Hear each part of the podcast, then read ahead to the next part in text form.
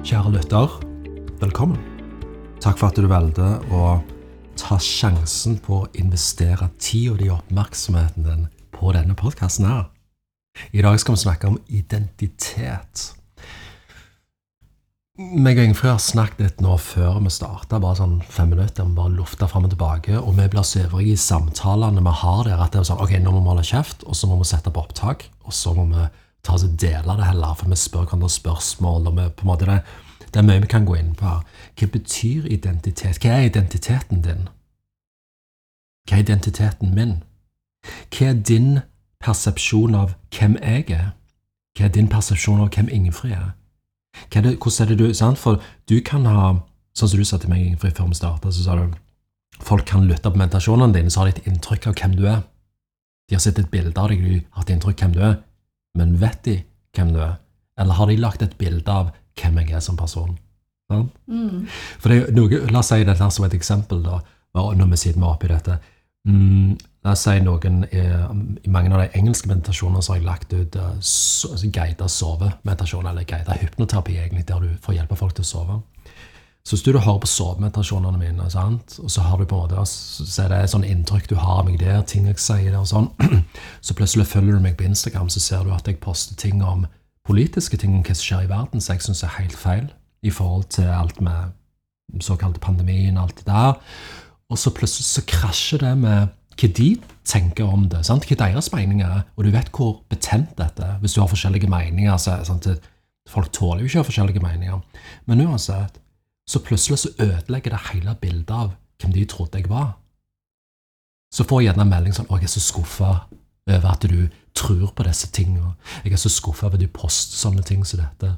Jeg skulle ønske at du ikke hadde politiske meninger sånn som dette, og heller bare delte i meditasjonene dine. Tuller du? Nei, jeg tuller ikke. Oi. Så, så, så det, men, men, dette, i forhold til dette med identitet Folk vil ha et bilde av hvem noen er, og holde det sånn. Vi vil egentlig ikke at folk skal endre seg. Vi vil at folk skal være innenfor en ramme av det vi tenker de er eller tror de er, for det føles trygt ut. I oss sjøl føles det òg trygt. Du sitter og måper her. Ja, jeg gjør jo det. Hva er det du måper for? Nei, det, For meg så ble det veldig alvorlig at folk på en måte glorifiserer på en måte hvem du er, uten å egentlig vite hvem du er. Uten å vite noen ting om meg, ja, annet enn det jeg deler. Det du deler der. Mm. Og så ble jeg skuffa når du da egentlig fremstår som et talsrør for det du òg mener som din sannhet. Mm. Når du ser bilde av en person eller ser personen som en skuespiller på den filmen. Legg merke til skuespiller. Når du hører på, en, på, på oss her på den podkasten, så er det bare et inntrykk av hvem vi er, som går gjennom ditt filter, altså sant? våre egne filter over hvordan vi prosesserer over hvordan denne personen er, sant? hvordan vi prosesserer den informasjonen og gjør oss opp en mening om. Så selvfølgelig, Men dette kan vi gå inn på mer, for dette er med å si 'Å, jeg er så skuffa av deg' den der formen for å prøve å manipulere og prøve å egentlig skape en slags skyldfølelse eller skam eller noe sånt Jeg er en voksen mann, så det der virker ikke for meg. Men det virker på veldig mange hvis du ikke har jobbet med deg sjøl og faktisk tør å være den du er, uten at du blir på en måte satt av, ut av spill fordi at noen andre kommer med en sånn kommentar. Så det sier at uh, vi lever nok etter hva andre mener om oss mye. Med dette med identitet, at det er ikke alle som tør å på en måte ha egne meninger om ting, og på grunn av det er en mulighet for at andre ikke liker det. selvfølgelig. Det er en mulighet for at det kan skape en form for konflikt i relasjoner. Selvfølgelig. Så er bare spørsmålet skal vi ofre den autentiske oss for å unngå bråk? Ja, kanskje av og til så er det gjerne lurt. Men hvis vi gjør det gang på gang på gang, så merker vi hvordan det tapper oss, Vi merker hvordan vi går imot oss sjøl. Har du kjent det, Ingrid? Det der med å gå imot deg sjøl på en måte, så til slutt så blir det ikke greit lenger. For det, det er en forventning. Du leser forventningene egentlig om hvordan du egentlig De vil du skal være. Og så hvis du da prøver å være det, men det går ikke, for det er ikke den du egentlig er og da prøver du jo hele veien å endre identitet. Du klarer det ikke i lengden. Nei. Altså, Hvis vi må være kameleoner for å tilpasse oss, som mange har blitt dyktige til, det går på bekostning av helseårs, vil jeg si. Fysisk, psykologisk, hele greia. For det, vi merker jo at vi går imot oss sjøl på et eller annet plan. Om vi ikke vet det bevisst, så er det et eller annet vi, vi kjenner det på et eller annet plan at dette her er feil. Så spørsmålet er da vil Er vi låste fast på at siden jeg har den så I en familie, eksempel. La oss si dette som et eksempel heller, i stedet for begynnelsen. Det jeg skulle si nå skal lede opp til dette. Um, og si du vokser opp, og så uh, La oss si du vokser opp på en måte der du um, blir veldig programmert av foreldrene dine til å være ei snill jente, en snill gutt. Sant? Hvis du kun lyver, da er du snill. Da får du kjærlighet, da får du oppmerksomhet. Eller kjærlighet, jeg vet ikke. Sant? Det kan, definisjonen på det kan, uh, kan, på en måte diskuteres. For det, hvis vi bare gir kjærlighet til noen når de lyver oss, så stiller jeg spørsmål til om det egentlig er kjærlighet. Men det er en annen sak. Så det som skjer, er at etter hvert da, sant, Jeg må bare gjøre ting så jeg, på en måte, hvis, jeg, hvis jeg er snill, hvis, sånn som det, så får jeg skrøyt, så får jeg oppmerksomhet. Så får jeg det. Så blir vi jo opplærte til når vi blir eldre og eldre, sant, så, så fortsetter vi det mønsteret der. Ellers blir vi veldig rebelske og, og går imot og sånn. og det, det er en annen sak. Men det som skjer, er at eh, når du da blir voksen, da sier si at du våkner opp litt. La oss si du endrer deg en del du begynner å endre deg, og så begynner du på en måte på en, sånn, en slags selvbevisst reise der liksom, du jobber med deg sjøl, du utvikler deg sjøl, og du tar tak. Og så da, når du, når du, gjør det, så føler du deg bra, alt det der du er på en måte i den Du merker at du holder på så hva skal jeg si, rense, rense vekk alt fasaden og maske og lag som, gjør, som tar vekk det falske og gjør deg til mer den ekte av deg, hvis jeg sier det på den måten. Jeg ser på det som den reisen er sånn. Men når du da besøker foreldrene dine, så har de et bilde av deg om hvem du er, var som liten og opp igjennom. Så når du da kommer der og har endra deg, men de har fortsatt det gamle bildet av hvem du er, så er det lett at de faktisk, deres energi, foreldrenes energi, eller foreldrenes inntrykk eller mental energi i forhold til sånn som dette er du, sånn forventer jeg at du er Selv om de ikke sier noe, så vil faktisk, hvis vi ikke da er på en måte har integrert veldig den nye versjonen av oss sjøl, så vil vi har vi tendens til å gå tilbake til å være den lille jenta igjen. Eller den lille gutten igjen. Som er snill og sier ja mm, og lyver hele veien. Hva tenker du om det? Det må jo være helt riktig. Det er jo derfor jeg sa til deg at jeg føler av og til så kan jeg ikke være den jeg egentlig er. For når jeg kommer i enkelte familiesituasjoner, så må jeg parkere den jeg egentlig er, for å passe inn. Hva tenker du skjer hvis du ikke gjør det? Jeg blir taus da. Jeg blir lite delaktig. Nå har ikke jeg foreldre og sånt, så, så, så det er klart at det, det har jeg ikke. Men eh, det er jo situasjoner du kommer i så folk har kjent deg over lengre tid. Der du kan speile til det du nå snakket om. For de på en måte vil ha deg sånn som du var før. Ja. Det var mye mer praktisk når du var sånn du var før. det er det. For det føles trygt ut for meg. Ja. For hvis du endrer deg, så føles det utrygt for meg, og da blir jeg redd. Og hvis jeg blir redd, kan jeg òg bli sint, og da kan jeg si ting som jeg mm. Så det er sånn, så er jo sånn manipulering foregår. Sånn som det der jeg sa med folk sender sånn jeg er så skuffa'. Det, det, er jo stresset de kjenner for det det faktisk ikke var sånn de trodde det var. Sant? Jeg, de føler et slags svik over at jeg ikke passet inn i det bildet de hadde av meg. Og det samme skjer med foreldre, f.eks. For mm. Med familie, som har et bilde av hvem er og sånn. Og hvorfor er det sånn? Jo, jeg sier, det er ikke fordi vi egentlig vil vondt eller noe, jeg tror bare det er det trigger frykt.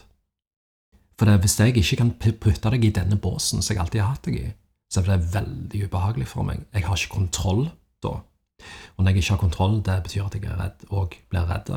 Sånn som jeg sier, Når jeg blir redd, så blir jeg kommet ut i en eller annen form for sinne, manipulering i et eller annet slag.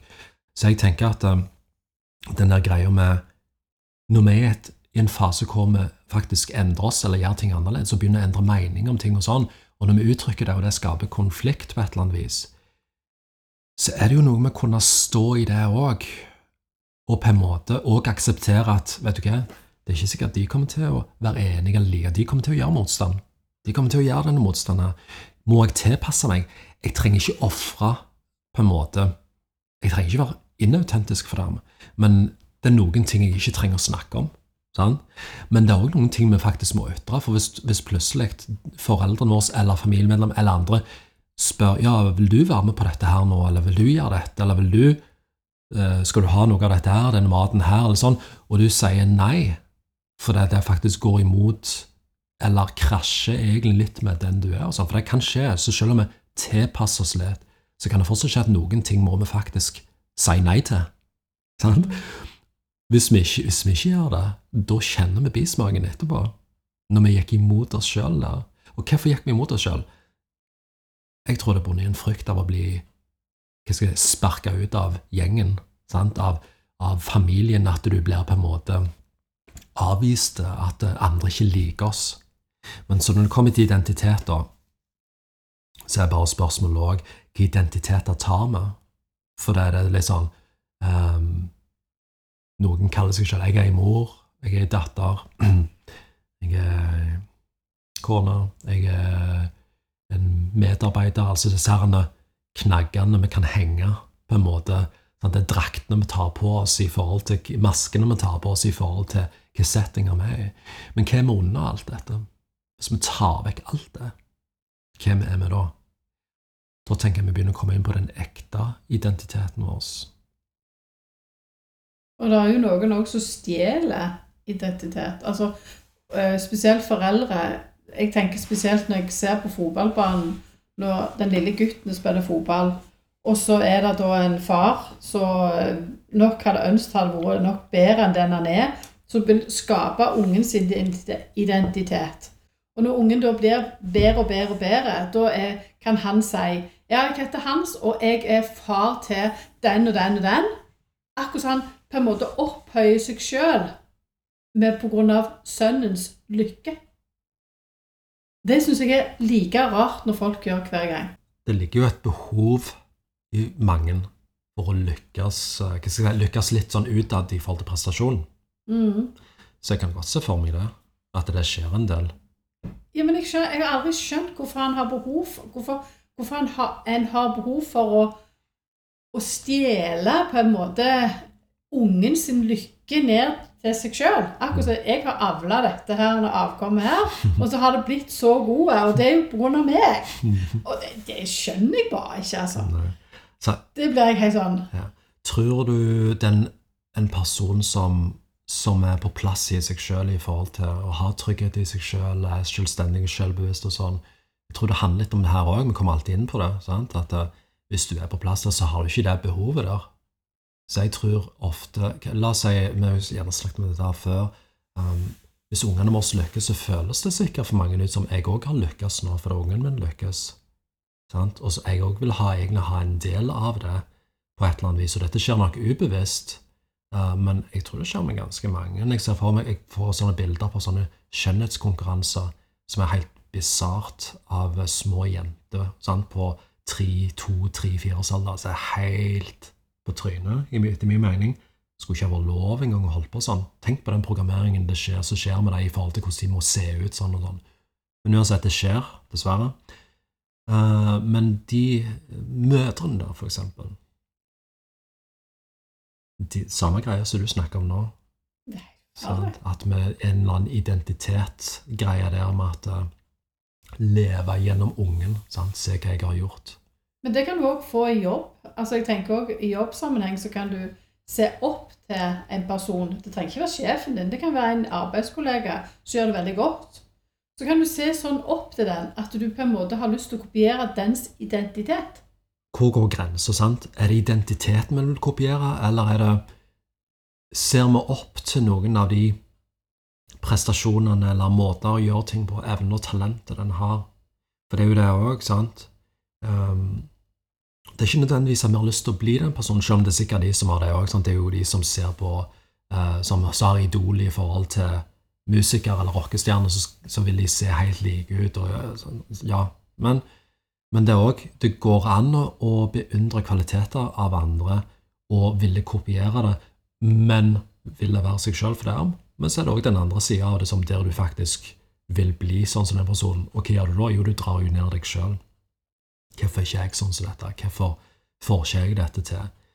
Men tenk på denne, da. Hvis jeg sier for eksempel Jeg er en alkoholiker. Og så hører du på denne. Jeg har en uvane med å være alkoholiker. Den første legger det inn i identiteten. Jeg er en alkoholiker. Jeg er en røyker. Jeg er en overvektig person. Jeg er en Så lenge vi sier det, så er det uten vi vet dette, ikke ubevisst, så integrerer vi handling, oppførsel, inn i identiteten vår. Så føles det ut som jeg er jo en person som bare utsetter ting. Jeg er jo bare lat av person. Jeg får aldri til. Sant? Jeg er og, og, det som skjer da, hvis vi heller på en måte putter ting på sida og sier jeg har denne oppførselen her, men den oppførselen her er ikke meg, men jeg har gjort den så lenge at det føles ut som dette er identiteten min, at jeg er bare denne personen her. Men spørsmålet er er du det? Er det handlingene våre som identifiserer hvem vi er? For på en måte føles det sånn ut. Men hvem er den bevisstheten som ligger bak, eller som er på en måte i bakgrunnen? Den som ikke alle på en måte får kontakt med. Sant? Bak alt støyen i tankene, bak alle maskene vi har på oss i forhold til hvem vi er, og hvem andre forventer vi, bak alt det, bak de rollene vi har, hvem er vi egentlig? Er det ei sjel inni der, en bevissthet inni der, som er en del av noe mye, mye, mye større? enn kroppen vår og det vi ser, hører, føler, lukter og smaker med sansene våre? Eller er det bare dette her? Og Det er jo òg en ting som kan påvirke. For du, Ingfrid, for deg så er det noe mer. Mm. Og det gjør òg at det er annerledes for deg i forhold til hvordan du ser på din egen identitet. Sannsynligvis sånn som det er for meg. Jeg vet jeg er en del av noe mye større. Og det gjør jo noe med hvordan jeg ser på meg sjøl som hvem jeg er òg. Men jeg tror de fleste folk er innenfor bokser, og egentlig liker det litt òg, innenfor uh, si, etiketter. sant? Innenfor denne boksen her, og på etiketten så står det um, 'Jeg er ei mor'. Ja, hva betyr det? sant? Eller 'jeg er ei datter', eller 'jeg er en alkoholiker', eller sant? Vi legger alle disse herrene 'jeg er dette, dette, dette', og så er det maskene vi bærer, og så påvirker det egentlig alt. Alle relasjonene våre, måten vi er på, måten vi oppfører oss på, og alt måten vi lever livet på. Men hva hadde skjedd om vi hadde zoomet ut mer og begynt å tenke litt over hvor har jeg denne maska ifra, og er den den nekter meg? Har jeg adoptert denne maska fra andre? Har jeg denne maska på meg fordi jeg vil at andre skal like meg? Er dette sånn jeg vil leve? Er dette, er dette den jeg egentlig er? Er det sånn omgivelsene forventer at det skal være? For at jeg skal ha denne jobben, må jeg være sånn? Mm. Presset begynner jo tidlig, hvis du tenker på barneskolen.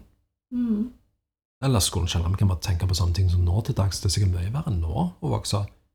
Da tenker jeg med tanke på teknologi. Presset på hvordan du skal se ut eller ikke se ut. Det er jo mange sånne ting som spiller inn. Så jeg det du sa, jeg tror det handler om at vi vil passe inn på et eller annet vis. Og hvis vi ikke passer inn, så kjennes det litt utrygt ut. Og dermed så tror jeg nesten at vi bare aksepterer forskjellige identiteter uten å tenke over at vi egentlig, hva vi egentlig holder på med. Vi tenker ikke over at vi har en, kanskje en egen personlighet bak det, som på en måte vil komme fram. sant? Egne meninger, egne interesser Eh, en egen bevissthet, for du er en unik bevissthet i en fysisk kropp. Men uttrykker det seg som sånn, eller blir det gjemt bak maskene?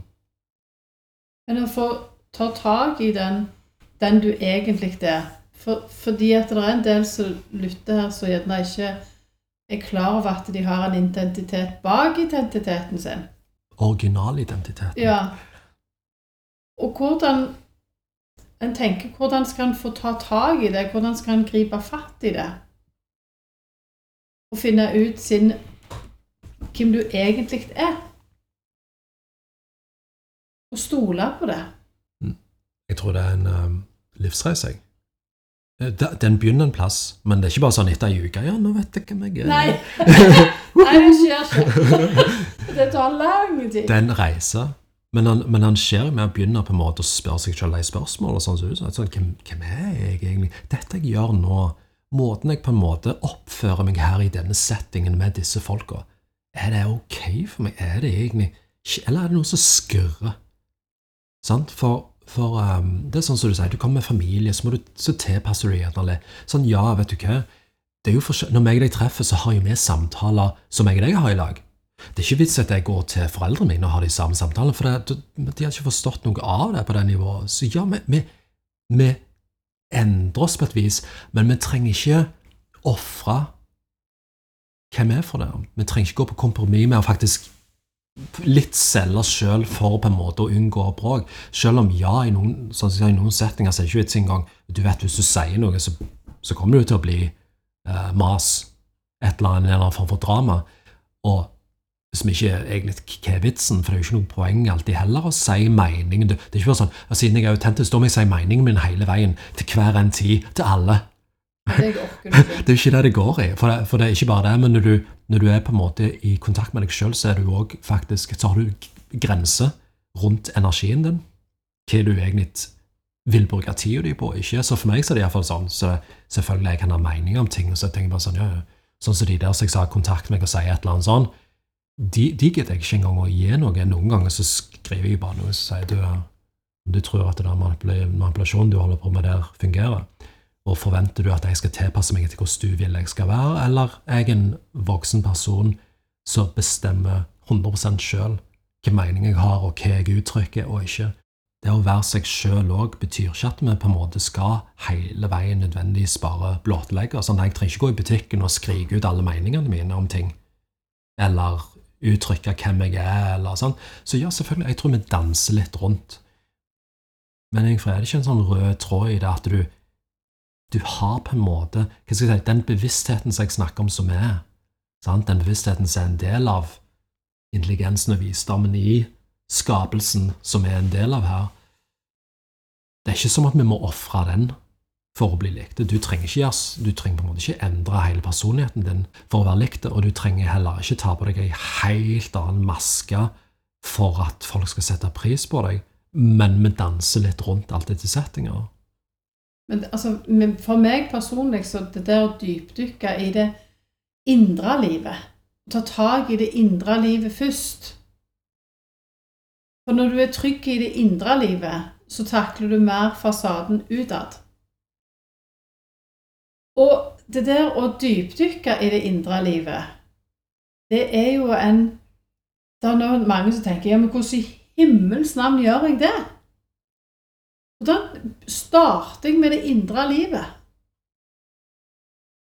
Og da prøver jeg alltid å si tenk på å være nysgjerrig på mønster du gjør, på ting som du interesserer deg for, ting som vekker din entusiasme, filmer du ser, hvorfor er du mer fengsla av filmer som har med f.eks. slaveliv i USA, eller er det kriger du blir fengsla av å se?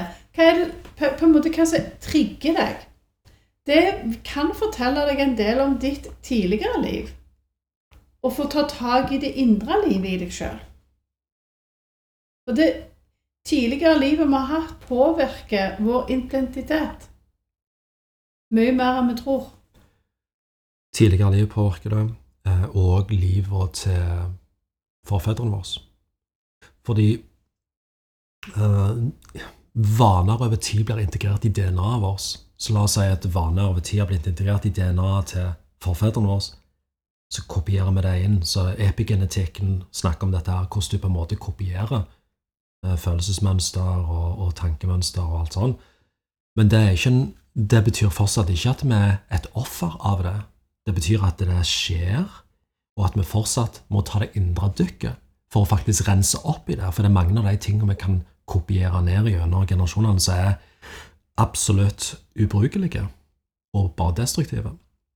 Og hvis vi ikke håndterer det, hvis vi ikke er de som tar tak i ting og tar det indre dykket, så må vi òg regne med at ungene våre bare fortsetter disse destruktive mønstrene, de òg.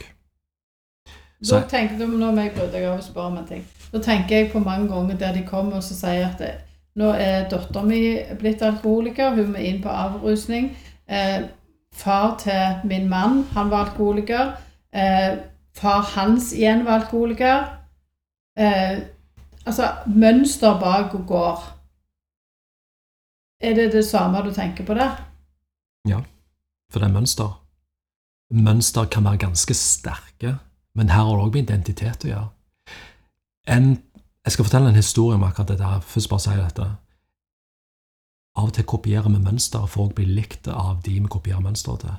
For å være like de, sånn at de er glad i oss, sånn at de elsker oss, sånn at de bryr seg om oss. Dette skjer ubevisst, så det er ikke noe vi tenker på bevisst når vi skal gjøre dette. Vi kan kopiere ubevisst mønster og destruktive mønster for å faktisk føle oss like de som vi mangler kjærlighet av. Eksempel, la oss si far er alkoholiker, og så vokser du opp og ikke har noen ting oppmerksomhet for far han egentlig avviser deg og egentlig ikke til stede i det hele tatt. Så blir du voksen, så plutselig er du òg alkoholiker fordi at eh, ubevisst der så er det en liten gutt eller en jente som har lyst til at far skal se meg. Og hvis jeg blir lik han, så Det skjer sånne ting òg. Så mønster er sterke, og de kan bli kopiert på den måten òg. Pluss at noen Jeg ser på, ser på det som familie generelt. Jeg tror alle familier har spesifikke utfordringer som er familiemønster. Kanskje et familiemønster som er utfordring er alkoholisme. Et annet familiemønster kan være um, der folk har ingen grenser. Et annet mønster kan være at, de, at det er misbruk. Et annet mønster kan være at um, mm, det er mye manipulering i form av ord og i form av verbal misbruk. Ja, for Det samme kan det vel skje med, med, i form av fedme. For dere ofte ser at det, ungene er kraftige, mora er kraftig, og faren er kraftig, og besteforeldrene er kraftige. Det hele, hele familiene er jo sånn. Og der tenker jeg at um, det er flere ting her. Selvfølgelig kan genetikk spille inn i hvordan måte kroppstyper sånn, hvor lett vi kan legge på oss. ikke sånn? Det er jo der. Det finnes forskjellige kroppstyper og sånn. Men det er som oftest ikke det det går i. For det er selv om du har en kroppstype som kan legge lett på deg, så betyr det ikke at du må det. Det betyr at du gjør det hvis du spiser for mye og trener for lite. Den komboen. Over tid. Uh, som regel, jeg har jobbet med folk i forhold til overvekt, og og det jeg gjør, er å grave i dybden for å finne hva er på en måte de ubevisste mønstrene som jobber imot her. Og ting som kommer opp, er at eh, det du sa, hele familien min er når jeg, hver gang jeg har gått litt ned, så kommenterer de det sånn, og jeg føler meg utafor. Så jeg bare legger på meg igjen, for jeg vil ikke ha det oss. Jeg vil ikke ha den oppmerksomheten. Så dette er jo en måte å kopiere mønster bare for å passe inn i gjengen. For å være likte, for å ikke skille seg ut så kan jeg spørre spørsmål sånn Ja, hvis du Hvor mange kilo kan du gå ned uten å, uten å bli skilt ut, da? Hvis du går ned 20 kilo, vil det si at du er mindre del av gjengen, da? Men hvis du legger på deg 20 kilo er 20 kilo tyngre enn de, da er det det samme den veien òg? Altså, jeg utfordrer bare litt med forskjellige måter å tenke på. Eh, Er det sånn at du eh, Er det ei grense, liksom? Hvis du spør, hvis du spør mor di Spør henne er det sånn 85 kilo, er det da hun begynner å bli mindre glad i deg? Er det da, sant? For er, er det, skjer det, eller er det fantasien? Der du, sant? For min bilde oss disse tingene. Men sannheten er ja, du får kommentarer, og ja, fra familiens side så kan det være at de vil hun skal være like de, for det kjennes tryggest ut. For det er identiteten de har lagt til hun. Det er identiteten de har som en familie der. Jeg sier ikke at dette skjer hele veien, jeg sier bare at det, jeg har erfaringer rundt det, at sånn, sånn type ting skjer. Den historien jeg skulle fortelle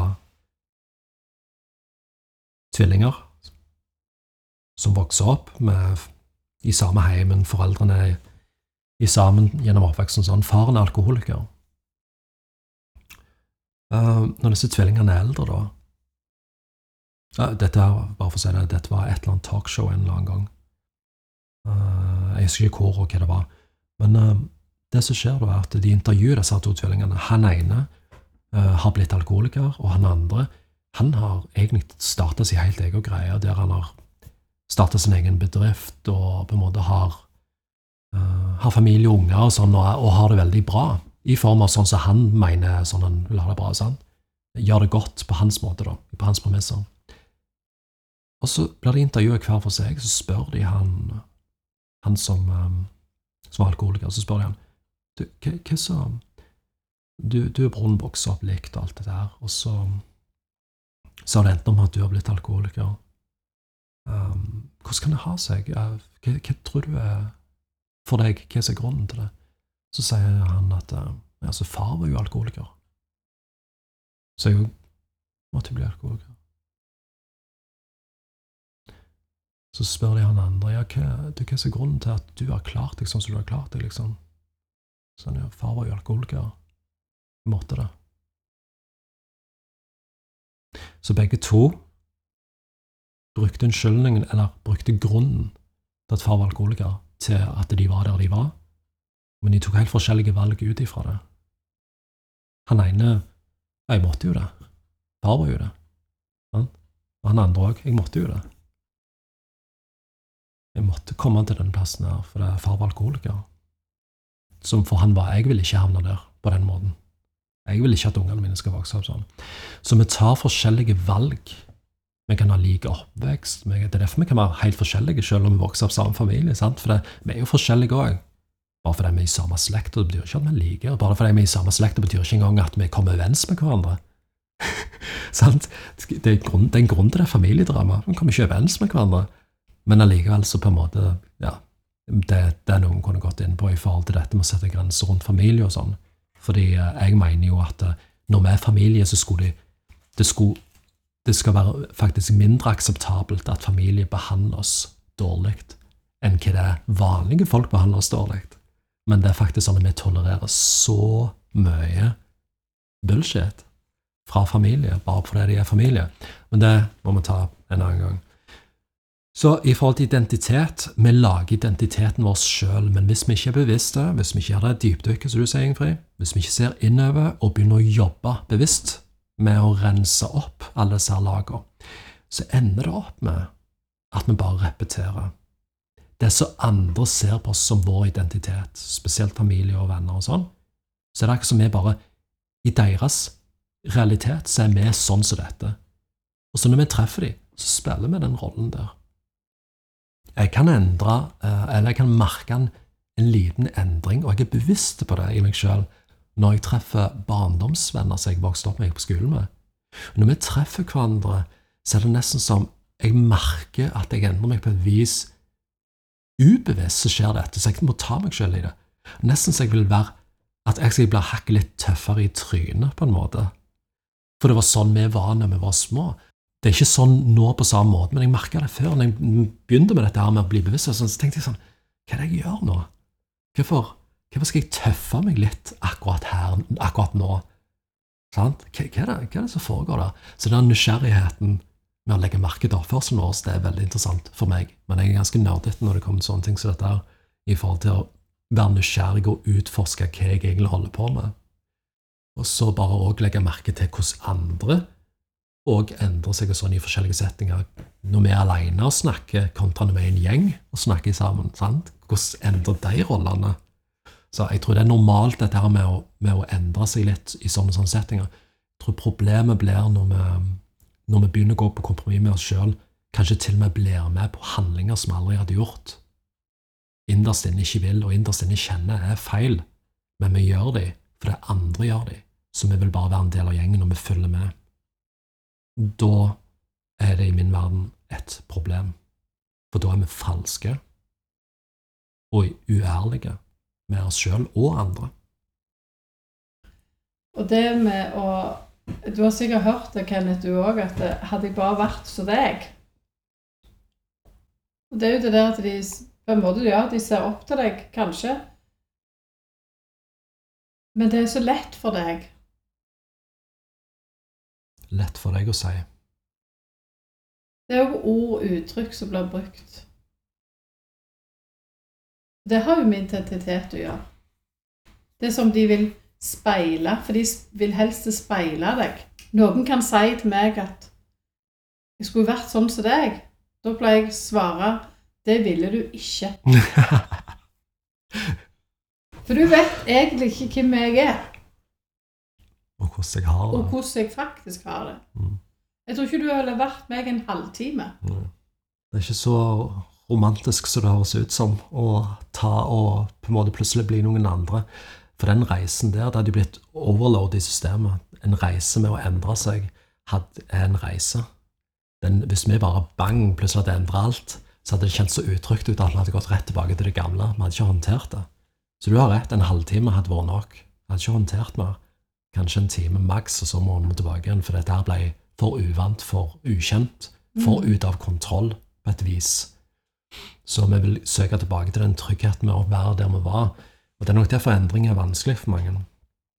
Men jeg ser på reisen med å bli seg sjøl som å ta av maske for maske for maske, ta av laget med maske som vi hiver på oss sjøl for å dekke oss sjøl. Sant? Og det er ikke sånn at du bare tar av alt på en gang, men litt og litt. Så det er en, det er en reise. Og sa i begynnelsen, liksom, det er ikke bare noe du gjør på ei uke eller en, en måned, liksom. For det, er- det hele veien nye utfordringer som kommer òg i form av der vi blir utfordra på hvor, hvor ekte er vi i oss Hvor sjøl. reine er vi egentlig? Ja.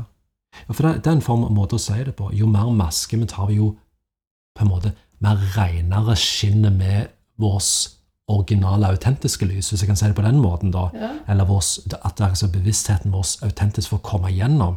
For det, når det er for mange lag som dekker, ja, så får ikke engang det, det får ikke, Vi får ikke puste. Vi er bare dekket av alle disse her lagene. Og det kan jeg kjenne veldig godt på hvis jeg er med veldig mange mennesker som har sett på seg en identitet som de egentlig ikke eier. Og hvis jeg kommer inn i en, en forsamling der det er veldig mange av de menneskene, da blir jeg Der er ikke jeg lenge.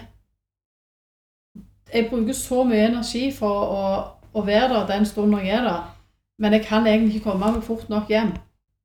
Så jeg kunne ikke ha levd i sammen med en mann som eh, ikke hadde vært rein. Det der du sa med å være i lag med folk, og så merker du jeg må komme meg ut herifra. Det i seg sjøl er jo en, en feedback på at uh, det trenger ikke være noe galt med de personene, de folka. Men det er bare det at det krasjer med hvem du er, egentlig. Hvem du er Ja, det vet jeg, og, og det, jeg er klar over før jeg går at, eh, at nå skal jeg, skal jeg der, og, og jeg vet at dette blir sånn. Uh, så jeg forbereder meg jo ekstremt. Hvordan gjør du det? Jeg setter opp masse beskyttelse, og jeg eh, har på meg en del ting som beskytter meg. Og, ja, Mm. jeg gjør mye. Men poenget er bare det at eh, de menneskene jeg møter, så har disse her forskjellige identitetene. Og jeg, jeg glemmer ikke engang jeg sa at eh, det å være til stede når vi først har møtes, kan vi ikke prøve å være til stede, da? Ikke sitte og tenke på tusen andre plasser du ville ha vært. For det er noe av det å være identisk Mm. med seg sjøl. Kan, en- kan en prøve å være til stede? Og da, da, da skjønte de ikke hva jeg mente. De forsto ikke ordet 'Ja, men jeg er jo her'. Men tankene deres, handlingene deres, mobilen hele veien opp, hele veien sjekke De er ikke til stede. De møter opp som er forventa, men de, de er ikke til stede i, i settingen, i seg sjøl. Så når vi ikke er det, når det er sånn som det, så sier seg sjøl at det å så på en måte prelle, eller det å så finne hvem ut hvem vi er, og leve ut ifra det så godt vi kan i denne verden, for det, det kreves en del å gjøre det. Med, det, er er mye motstand sånn samfunnsmessig og i folk generelt, og i måten systemet er bygd opp på, og strukturen rundt alt de sammen som vi lever innenfor her. Så det er jo en jobb i seg sjøl, men når vi kom til det punktet der vi ikke engang sånn Ja, men jeg er jo her. Jeg har har hørt den. Ja, men jeg er jo til stede. Så, ja, men du er jo ikke til stede. Jo, jeg er jo her. Altså, da, da har du heller ikke egentlig begynt å gå inn i laget i deg sjøl, så du, du er egentlig ikke bevisst nok til å forstå hva det, egentlig- betyr. Men det er sånn jeg sier òg, men visse folk så er det visse samtaler du ikke trenger å ha. For det, at det, det treffer ikke det som er på forskjellige radiokanaler. Du hører på P2, og de er på P4. P4. Det går ikke an å det, det, er ikke, det er bare forskjellige frekvenser. Um, og sånn er det òg. Av og til så møter vi folk som er på helt andre frekvenser. Det betyr ikke at vi trenger å ofre oss sjøl, men det betyr òg at, det, sånn som du sa, være bevisste på, på selvbeskyttelse, som er grensesetting, vil jeg si. Og være også bevisste på at eh, jeg trenger altså, her, her skal jeg være en times tid, liksom. Jeg trenger ikke, sånn som jeg sier, snakke om uh, alt jeg mener og alt jeg gjør. og alt det der. Nå er jeg her, sånn og sånn, ferdig, liksom. Men det deiligste er jo når du er i sammen med de som er på samme kanal. Og det er jo det vi alle egentlig vil. For da går ting av seg sjøl. Men du kan òg være på samme kanal på en negativ måte, der identitetene på en måte eh, passer vens, men identitetene er i den negative enden, f.eks. Der vi fôrer hverandre, vi klager over ting, så fôrer vi det opp. Så har vi vondt i kroppen, så fôrer vi det opp. Sant? Så holder vi på sånn som det, og føler oss hjemme og jeg kommer så godt til venns med den personen. Ja, ja, fordi dere på en måte har de samme Snakker om de samme problemene og nær, fôrer og nærer de samme problemene.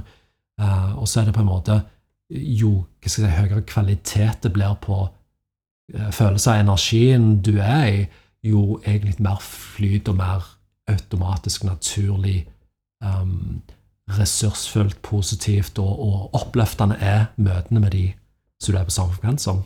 Og det er en måte å si det på? Ja, og det er veldig vondt å være på sidelinja med de som fòrer hverandre negativt.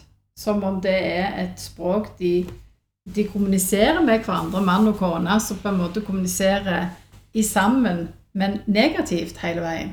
Hele veien gir et stikk til den andre hele veien, snakker nedsettende om den andre hele veien, krangler, diskuterer. Og sitte, Men de, de, gjør jo det selv om du sitter rundt et bord. For det er språket de snakker til hverandre med. Mm. Og det å sitte som denne sarte, lille sjela som jeg er, så er det veldig vondt. At folk sitter og bruker livet sitt på sånt. Mm. Det syns jeg er alltid like rart. Og så tar vi det inn på identitet, så er det jo identiteten de har som partnere. Sant? At vi, vi, vi, har det sånn som dette. Vi, har det, vi er alltid uenige. Vi diskuterer alltid. Han gjør alltid sånn, hun sier alltid sånn. Som igjen blir på en måte maskene vi gir hverandre stempel, og vi stempler hverandre med. Men òg stempelet vi stempler relasjonen i, og måten vi egentlig stempler oss sjøl på òg. Hvordan kan du komme ut av den. Det er det du sa med å faktisk begynne å bli Være, være villig til å, å, se inn i seg sjøl. Ja, men for, for det, nesten, det parforholdet, da må nesten begge to ja, nesten gjøre det på likt. Nesten. Men det må jo begynne med den ene. Det, det, som, regel, som, regel, er det den ene som da tar initiativet. Men det kom et stykke. Det jeg tenker med det, Ja, den ene kan gjøre en del arbeid i seg sjøl der, og presentere dette for partneren, Hvis partneren ikke vil. Det blir et problem. For den ene personen begynner å utvikle seg mot en positiv retning, mens partneren egentlig står i ro, på et vis. Og der er det jo mange forhold som ryker når det skjer. Ja, for det, det er jo de forholdene du, du hører stadig at eh, nei, hun måtte finne seg sjøl. Jeg har ikke hørt den, men jeg kan se for meg den, ja. hun gikk fordi at du fant seg sjøl. Å ja, så jeg gjorde det, ja. ja. Og du fant ikke deg sjøl. Nei. Hei, her er jeg. Ja.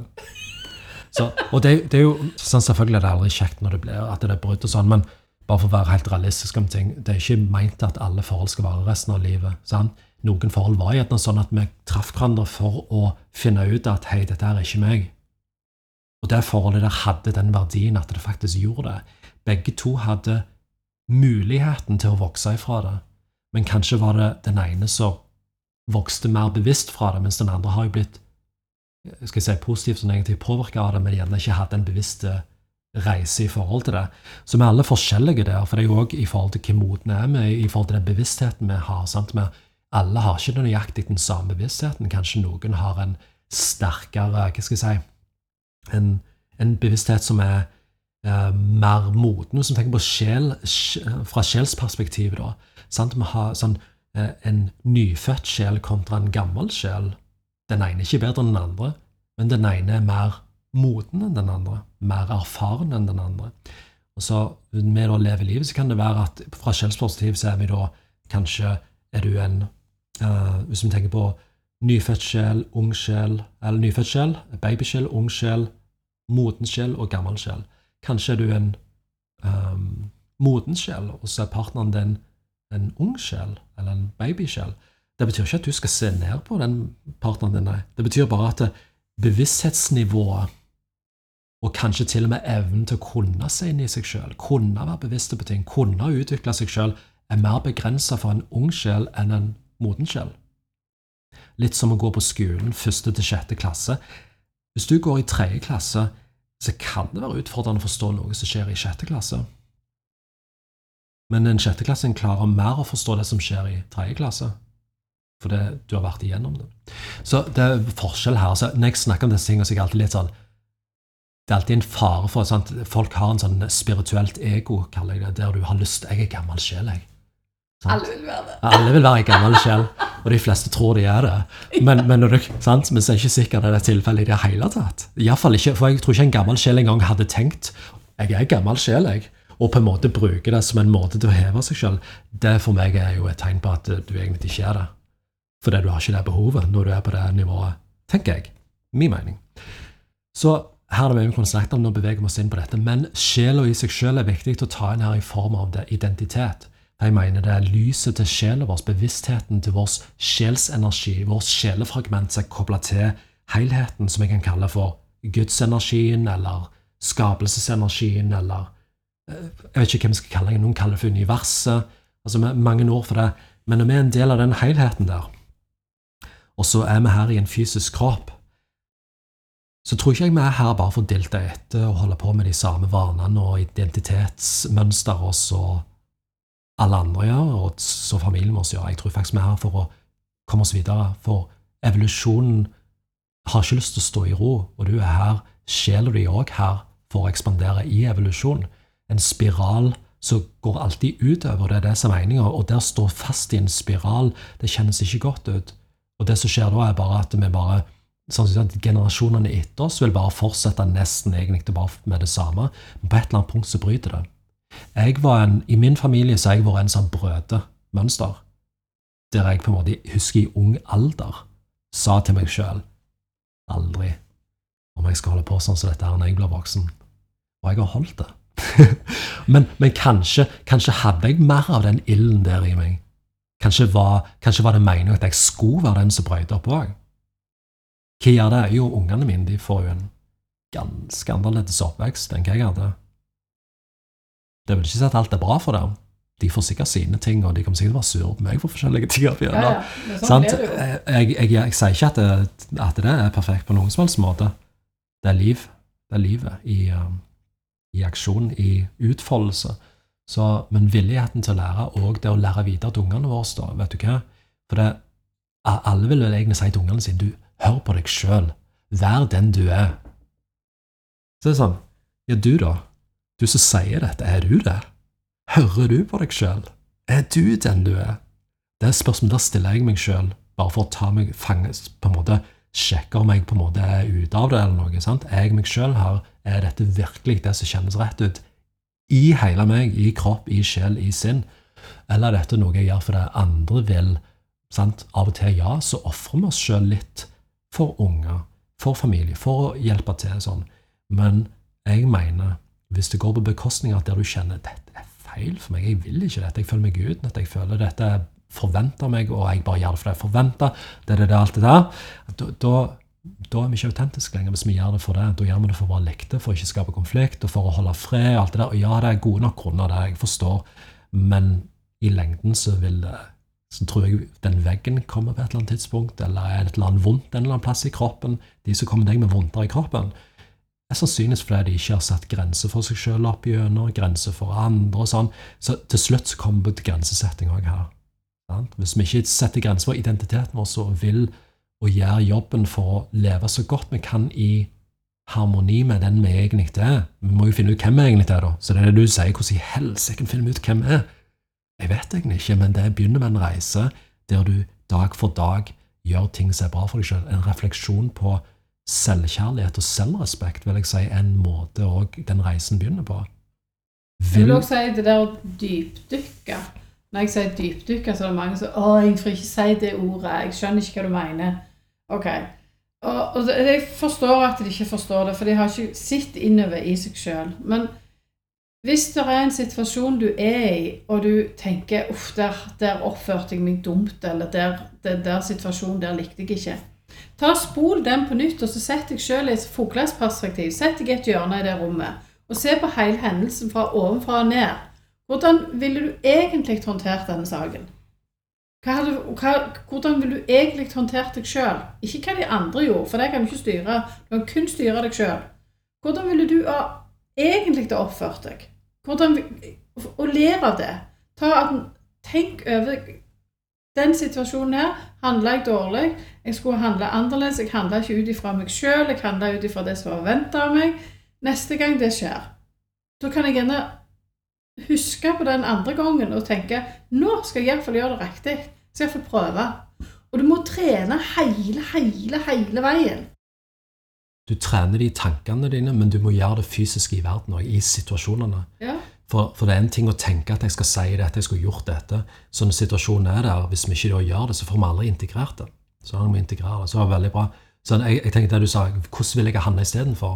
Så tenkte jeg på spørsmålet hvordan vil den sanne meg, det egentlige meg, ja. ha gjort her? Hva vil jeg egentlig innerst inne sinne hva vil jeg egentlig ha gjort i den situasjonen? Hvis jeg var helt uredd for konsekvensene, hva vil jeg ha gjort her egentlig? Og på den måten begynne å kjenne seg sjøl mer. Og det er enkelte ting som du er forventa at du skal møte opp på eller være med på. Men du kjenner egentlig etter at dette her er ikke det du har ønsket å bruke tida di på, din identitet på. Dette gir deg ikke noen ting. Tør du å gå inn og si det, at jeg slutter gjerne i denne foreningen? For denne foreningen gir meg ingenting. Denne foreningen her er for meg Jeg har ikke lyst til å ta en del av dere lenger. Jeg stepper ut. Hvor mange tør egentlig å gjøre det? Mm. Og så er spørsmålet der noen Det er gjerne ti venninner sitter der. Mm. Og du tar steget ut av den og sier 'Dette er ikke min identitet'. Der har det veldig mye med hvordan du kommuniserer det òg. For du kan kommunisere det på en måte og bare være spy det ut sånn som det, eller faktisk komme med din grunn til det. vet du hva, jeg, jeg, føler at sånn og sånn og sånn, og tenker at Så få folk til å gjøre det. Og jeg vil heller komme med en skyldning. De ti som sitter der, får jo budskapet på ti forskjellige måter. Så igjen da møtes neste måned og diskuterer denne utskuddet da, som ikke vil være med lenger. Mm, I gjengen. I gjengen. Så siden vi er livredde for ikke å være med i gjengen, og at andre ikke skal like oss, så ofrer vi egentlig oss sjøl og den vi egentlig er, for å bare please andre. Det er egentlig det som skjer der. Ja, og i, og, i, de gjengene så kan det være opptatt av eh, Botox, det kan være opptatt av mote. Det, det, er bare sånn flate ting som blir snakket om, noe som ikke gir noen kanskje det som de andre gir. Mm. Av opphøyelse av seg sjøl. De ønsker ikke å være en del av det. Mm. Men da må de faktisk gå ut av en gjeng. Mm og gi beskjed. Mm. Og det er så tøft for noen at de blir bare værende. Ja, det er det. Og det er samme med familierelasjoner. Ja. Samme vanlige relasjoner. Om det er foreldrene, søsken eller samme hva. Det, det er sånn i alle slags typer relasjoner. Til og med jobbrelasjoner. Ja. Så det er det. jeg ser på klokka. Jeg har et møte jeg, om 45 eh, minutter, så vi må mm. runde av. Det må vi. Ja. Håper du fikk noe nytte ut av dette. Du vet meg, for Vi snakker eh, fram og tilbake her, dele tanker, ta ting på sparket så det kommer. Kanskje av og til repeterer vi oss sjøl litt og sier noen ting igjen og igjen, men vet du hva, repetisjon er òg det vi faktisk lærer av. Repetisjon hjelper oss å Aha, det var det, ja. Så plutselig får vi det inn litt ekstra der. Så med respekt for alle som lytter, vi vet at alle er på forskjellige plasser, og vi har våre forskjellige på en måte måter vi har vokst opp på, måten livet vårt er på nå, utfordringer vi har, kanskje fysisk, mentalt, alt det der. Vi forstår det. Her har du ting vi deler som kan allikevel hjelpe deg der du er, om du velger å ta tak, gå innover, og så endrer du det som er utenfor deg.